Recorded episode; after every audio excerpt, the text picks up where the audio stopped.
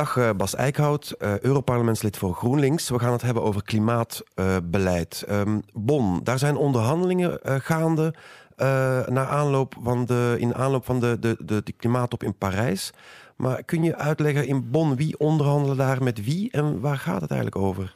Ja, eigenlijk in, in Bonn is het hoofdkantoor van het eh, klimaatpanel van de VN. Uh, wat daar telkens bij elkaar komt, zijn gewoon de onderhandelaren namens alle landen die lid zijn van het, uh, van het VN-klimaatverdrag. Dus het zijn er 195. En daar zijn alle landen vertegenwoordigd. En dat zijn eigenlijk de ambtenaren die nu alle vooronderhandelingen doen, zodat hopelijk echt de laatste politieke punten die overblijven in Parijs afgehamerd kunnen worden. Dus het is belangrijk dat daar uh, voldoende vooruitgang wordt geboekt om, om in Parijs echt knopen te kunnen doorhakken. Ja, als je, als je zeg maar in Bonn in al die vooronderhandelingen eigenlijk geen knopen doorgehakt krijgt, dan moet alles gebeuren in die laatste twee weken in Parijs. Nou, en we hebben in Kopenhagen in 2009 gezien dat als je te veel punten tegelijkertijd allemaal moet afhameren in uh, één week, dat dan de druk te hoog wordt en dat het uit elkaar kan klappen. Dus dat moet je voorkomen. Ja, laten we even doorheen de, de laatste sessies gaan, want uh, het, het, uh, als ik het begrepen heb, um, gaat het niet zo heel erg goed. De eerste bondsessie schijnt teleurstellend geweest te zijn. Ja, dat, ehm, ja, dat was voor de zomervakantie, klopt. Dat, uh, ik denk dat je het nog met een understatement zegt. Er is eigenlijk gewoon bar weinig uh, vooruitgang geboekt. Oké, okay, dat is duidelijk. Eh, de laatste sessie dan. Uh, ook daar was de bedoeling dat, dat dus het aantal punten die nog te onderhandelen zijn... zouden worden teruggedrongen, maar um, dat is ook niet helemaal gelukt. Kun je misschien uitleggen hoe dat, hoe dat precies gaat? Wat, wat, er zijn verschillende onderdelen in die, in die gesprekken. Ja. verschillende secties, zeg maar, in die in die, die, in die uiteindelijk in die tekst moeten komen. Hoe, hoe zit dat precies? Nou, je moet je eigenlijk voorstellen dat je, hè, je hebt heel veel punten die je moet onderhandelen. Uh, het gaat over nou, hele simpele, nou ja, geen simpele vraagstuk, maar wel natuurlijk van hoeveel moet de uitstoot terug? Uh, maar het gaat ook over hoeveel geld moet er waar zijn, technologietransfer, zoals dat heet. Dus hoe gaan we ervoor zorgen dat technologieën beter benut kunnen worden in de wereld? al dat soort onderwerpen. Uh, die worden eigenlijk een beetje geselecteerd naar van, nou, in, in drie delen kun je het zeggen. Van, uh, in het eerste deel is daar waar het, waar het echt het verdrag zal moeten komen en wat echt bindend gaat worden. Juist. Uh, het tweede deel, dat is dan meer een soort ja, um, intentieverklaring. Dus dat zijn onderwerpen waar men van zegt, nou goed, dat is niet juridisch bindend, maar landen die, die, uh, zeg maar, die, die spreken af wel die kant op te gaan werken. Dat klinkt al wat vager dus. Mm -hmm. En dan is er nu op dit moment nog een heel groot derde deel, waarvan men het eigenlijk nog niet over eens is in welk van die twee andere delen het moet. Of het dus heel juridisch bindend is of veel meer als intentieverklaring. Dat zijn de drie delen van de tekst die we nu hebben. En dan is elk onderdeel in al die drie delen heeft ook nog voor heel veel verschillende opties. Dus dat staat allemaal tussen haakjes waar men nog over moet nadenken. Een heel simpel voorbeeld, een lange termijn doelstelling. Hè? Uh, men spreekt nu allemaal over 2025, 2030, maar je wil ook naar een lange termijn een beetje aangeven waar, waar de waar de rit naartoe gaat. -huh. Nou ja, dat is nog een beetje een discussie in welk deel dat moet vallen, helemaal bindend of niet.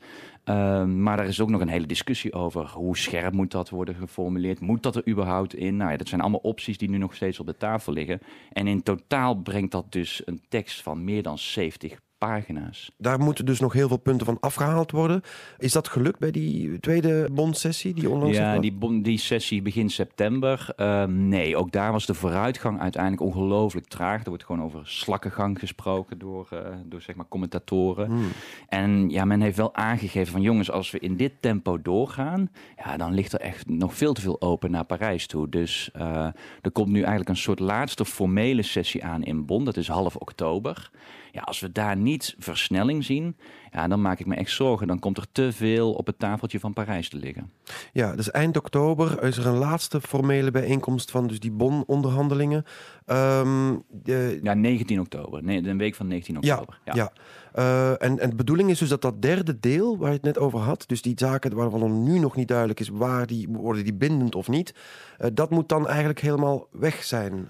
Ja, die discussie wil je eigenlijk wel afgerond hebben. Dat je dan weet, oké, dit zijn de onderwerpen waarvan we zeggen dat gaat naar het juridisch bindende gedeelte. En deze onderwerpen zijn meer als intentieverklaring. Dan hoeven we in Parijs alleen nog maar, zeg maar, nou oké, hoe gaat de tekst er precies uitzien, aftikken. Ja. Maar hoef je niet meer te gaan debatteren over Ik... welk onderdeel van de tekst waar moet zijn. Dat wil je ook niet in Parijs. Kun je een voorbeeld noemen van zo'n hete uh, aardappel, uh, die, die, die nu nog niet, uh, ja, waarvan nu nog, waar nu nog geen duidelijkheid over bestaat? Kun je... Nou, een heel mooi voorbeeld is wel hoe gaan we om met uh, internationale scheepvaart en de luchtvaart. Juist. Dat is echt zoiets waarvan we weten dat is een internationale sector hè, per definitie.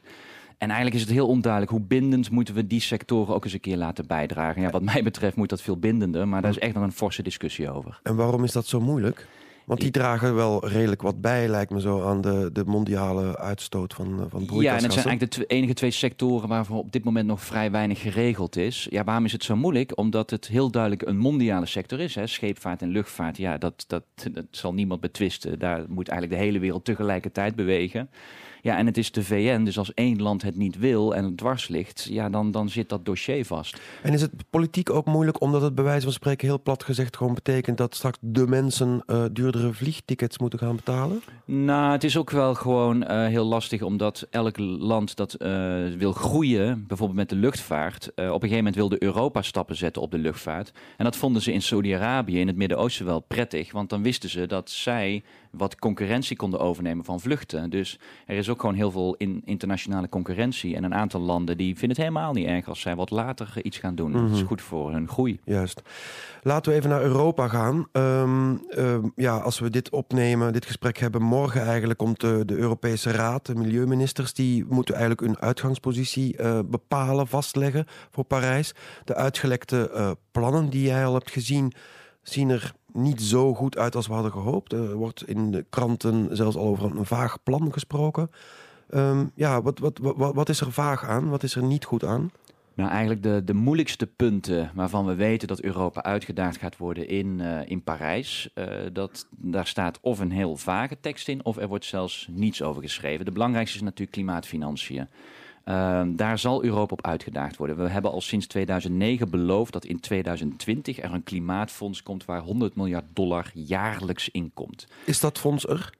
Het fonds is er op papier, maar het geld is er niet. Het is er dus niet? Nee, en elk jaar weer uh, beloven Europese landen allemaal een beetje ad hoc. Nou, wij doen er zoveel miljoen in. Het is een boekhoud, boekhoudkundige uh, operatie tot nu toe eigenlijk. Ja, en elk jaar weer is het afwachten wat er beloofd wordt. Terwijl de ontwikkelingslanden zeggen, ja, als wij nu ook ons gaan committeren aan klimaatbeleid, dan willen wij ook iets meer zekerheid hebben dat dat klimaatfonds echt wel gaat lopen. Dus daarom is het klimaatfonds zo cruciaal. Als het er niet echt komt, uh, niet alleen op papier, maar ook echt in de realiteit, dan zullen de Zuiderse landen zeggen van nou jongens, uh, we doen... Die zullen gaan dwars liggen. Dit is ja. voor hun natuurlijk het moment om wel te gaan eisen dat hier duidelijkheid over komt. Ja. En uh, in die conclusies die ik heb gezien, die dus waarschijnlijk morgen afgetikt gaan worden door de ministers van Milieu, wordt doodleuk gezegd, ja, klimaatfinanciën, dat schuiven we door naar de vergadering voor de ministers van Financiën. En die zullen ergens in oktober, november er maar eens over moeten praten. Ja, dat geeft gewoon aan dat de echte heikele punten gewoon nog steeds op tafel liggen en dat Europa er nog niet uit is. Ander voorbeeld is het lange termijn doelstelling, waar Europa op dit moment wel half een standpunt op heeft aangenomen. Maar we weten dat dat morgen, als die ministers van Milieu bij elkaar komen, nog een hele hoop, met name Centraal-Europese landen, denk Polen, die, die gaan die conclusies aanvechten. Dus we gaat ook nog eens bakkeleien over de tekst die er nu ligt. Dus het kan ook nog afgezwakt worden. Waarom is dat zo belangrijk, die lange termijn doelstelling? Omdat we allemaal weten, uh, Figueres van het VN-klimaatpanel, hè, dus de, de, baas daarvan, die dus in Bonn uh, huist, die heeft ook al aangegeven, kijk, Parijs gaat onvoldoende beloftes brengen van landen, zodat die 2 graden doelstelling niet gehaald gaat worden. Dat weten we eigenlijk nu al. Dus heel belangrijk wordt ook het proces na Parijs. Hoe zorgen we ervoor dat die beloftes die nu tekortschieten wel daarna ja, ambitieus worden? Ja, dan moet je in je conclusies, in je verdrag wel aangeven wat dus je lange termijn doel is. Van oké, 2 graden, wat betekent dat voor 2050? Zodat je in ieder geval vastlegt dat we op de lange termijn naar eigenlijk nul uitstoot moeten.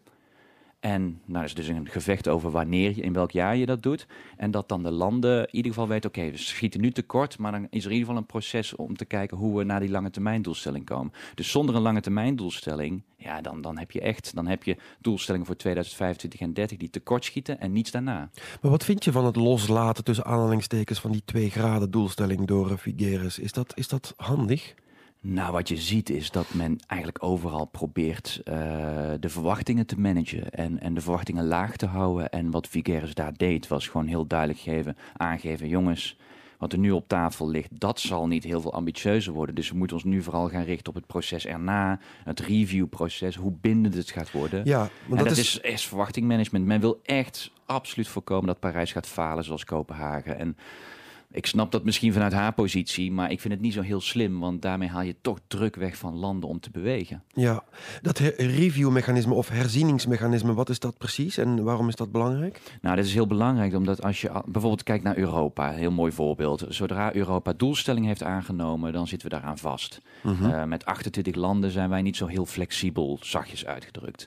Ja, als je niet al in Parijs afspreekt dat je ongeveer verplicht elke vijf jaar je doelstellingen echt aanscherpt, ja, bijvoorbeeld alleen al Europa gaat dat niet doen. Of kijkt of de doelstellingen gehaald zijn en, en, en, en, en worden nageleefd. Dat, is, dat lijkt mij ook wel van belang. Ja, nee, dat is zeker ook van belang. Uh, maar er is bijvoorbeeld nu nog een discussie ook van... kijk, een reviewproces. Er zijn landen als Polen die zeggen... nou, review kan ook betekenen dat we de doelen dan nog wat minder ambitieus gaan maken. Dat is nog zo'n discussie die morgen gevoerd gaat worden. Dat wel heel duidelijk wordt dat een reviewproces alleen maar kan betekenen ambitieuzer worden en niet minder ambitieus. Maar dat, de Polen zit nog wat dwars, ook daar. Ja, die hebben last van te veel kolen in de grond, hè? Die hebben nogal wat kolen in de grond en die willen zich graag uh, opstoken. Ja.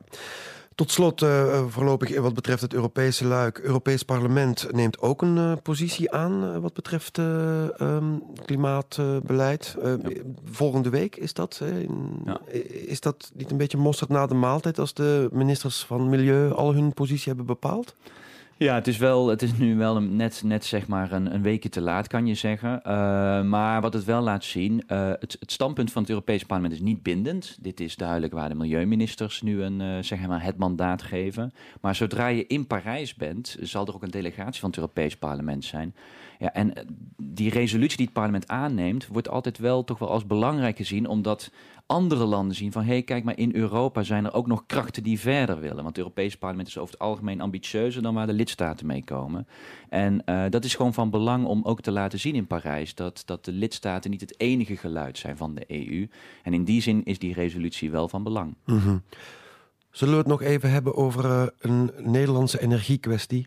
Ja, vooruit. Even snel. De kolencentrale, we hadden het net al even over de, de kolen van de Polen. Maar um, de Raad van State in Nederland heeft um, de kolencentrale in de Eemshaven toch goedgekeurd. Daar is al jarenlange juridische uh, en maatschappelijke strijd over. Van moeten we zo'n centrale bouwen naast de Waddenzee? Uh, dat gaat nu toch door. Wat, wat is daar, wat, wat, vind je daarvan? Nou, teleurstellend. Het was natuurlijk ook voor alle milieuorganisaties een grote teleurstelling. Um, eigenlijk heeft de Raad van State gezegd dat de kolencentrale uh, geen negatief effect zal hebben op uh, de natuurgebieden die onder Natura 2000 vallen. Want dat, dat is zeg maar waar je juridisch iets het kan Waddengebied. Doen. En het Waddengebied valt daaronder. Uh, ik, ik moet zeggen, ik heb daar mijn twijfels over als je, als je zeg maar de uitspraak leest. Uh, alleen al kwik uitstoot wordt eigenlijk aangenomen dat dat niet zo heel ver van de centrale afkomt. Ja, mm, goed, dit is Raad van State die, uh, die heeft zich uh, nogal op de vlakte gehouden en durfde zich hier duidelijk niet de, vingers aan te branden. Ik denk dat er meespeelt is dat die kolencentrale al jarenlang gedoogd wordt. Hè. Er is een soort gedoogconstructie gegeven voor die kolencentrale. Een Hollands fenomeen, hè? Een, een Hollands fenomeen, inderdaad. Uh, we zijn heel goed in gedogen, wordt steeds meer gekopieerd in Europa, on, jammer genoeg.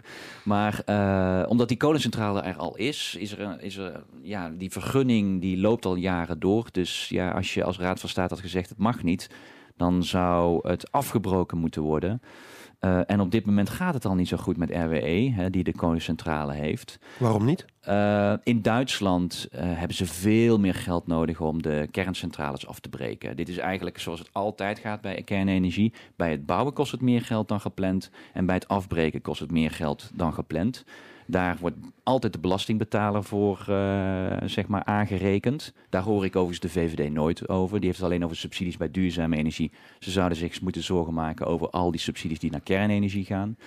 Uh, en nu blijkt weer dat RWE eigenlijk de afbraak van die, kolen, van die kerncentrales niet kan betalen. Dus de aandelen zijn aan het kelderen en RWE wankelt. En, en vandaar tot slot dat die uh, centrale bij de Eemshaven misschien wel heel belangrijk is voor, uh, voor RWE. Omdat ze eigenlijk de elektriciteit die daar geproduceerd gaat worden, is niet bedoeld voor consumptie in Nederland, maar eerder voor export. Klopt dat? Ja, nou Nederland heeft het niet nodig. We hebben gewoon echt een overproductie zeg maar, gebouwd. Dus, dus voor, voor puur de elektriciteitsproductie is het niet nodig nodig. Men heeft het, over, men heeft het ook niet echt nodig in Duitsland hoor. Dit is gewoon voor RWE vooral zeg maar, nog een financiële klap kunnen ze niet hebben. Het, het is echt een wankelend bedrijf. Hè. Het is een reus op leme voeten en hij staat op omvallen. Dus elke klap kan nu de, kan fataal zijn. Dit is wat men uh, eigenlijk ook de energierevolutie noemt. Hè? Het, uh, het, het, kleinschaliger, uh, decentraler worden van de energievoorziening, productie maakt dat dit soort grote reuzen het moeilijk krijgen. Ja, de baas van RWE heeft ook gezegd dat ze, hè, dat ze de revolutie niet hadden zien aankomen. Ja, goed, als je je hand voor je ogen houdt, zie je heel weinig aankomen. Uh, deze energierevolutie, daar zijn wel degelijk allerlei studies voor geweest die ervoor hebben gewaarschuwd. Hebben ze niet serieus genomen. Ze hebben het gewoon onderschat en ja, daar gaan ze nu een grote prijs voor betalen. Ze zitten nu op de blaren. Het worden nog spannende weken. Dankjewel, Bas Eickhout. Graag gedaan.